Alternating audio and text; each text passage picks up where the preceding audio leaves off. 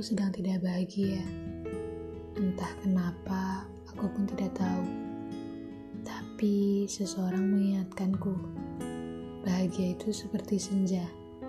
Ia muncul hanya sekejap dan hilang kembali.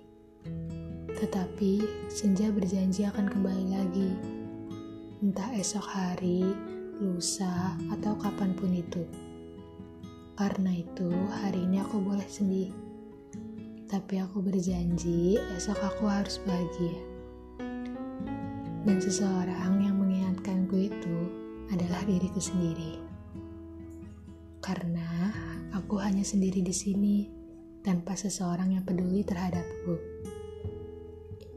Mungkin ini alasan kenapa aku sedang tidak bahagia, yaitu kesendirian yang kumiliki.